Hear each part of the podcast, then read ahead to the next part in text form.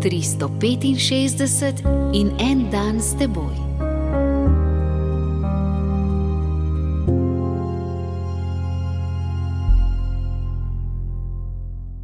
Iz Matejevega evangelija, peto poglavje, četrta vrstica.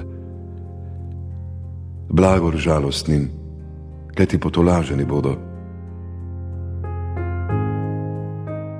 Ali so lahko blagri verodostojen in konkreten življenjski program? Kdor ni mazohist, ali lahko soglaša, da srečni niso tisti, ki jim je dobro, temveč tisti, ki so v stiski? Če bi imeli blagre za lepo, neuresničljivo poezijo, bi to pomenilo, da razglašamo vse evangelij za utopijo. Blagre je pač treba razumeti žalostni, ljudje v stiski, tako kot ubogi, krotki in drugi, so srečni ne zato, ker trpijo, ker se odpovedujejo bogatstvu, ker ne uporabljajo nasilja, temveč zato, ker bodo potolaženi.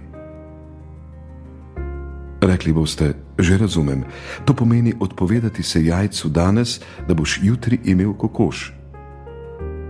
Nič niste razumeli.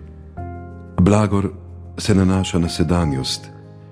Ne bodo srečni, ampak so srečni, zdaj, tu na zemlji. Popolno veselje bo prišlo potem. Toda, če v pričakovanju nebeškega kraljestva nismo jetniki sedanjosti, če se ji ne uklonimo, smo srečni že zdaj, tu, na zemlji.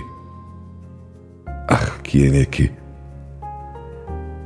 Pustite govorice kar začnite iskati veselje med ljudmi, ki se kopljajo v denarju, ki dopustijo, da jih premaga trpljenje, nasilnost, laž, sovraštvo, brezbrižnost.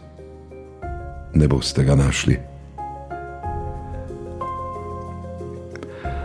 Blagri ne spodbujajo k življenju v skromnih razsežnostih, temveč k polnemu, smiselnemu življenju, življenju v veselju, zdaj in potem na zemlji in v nebesih.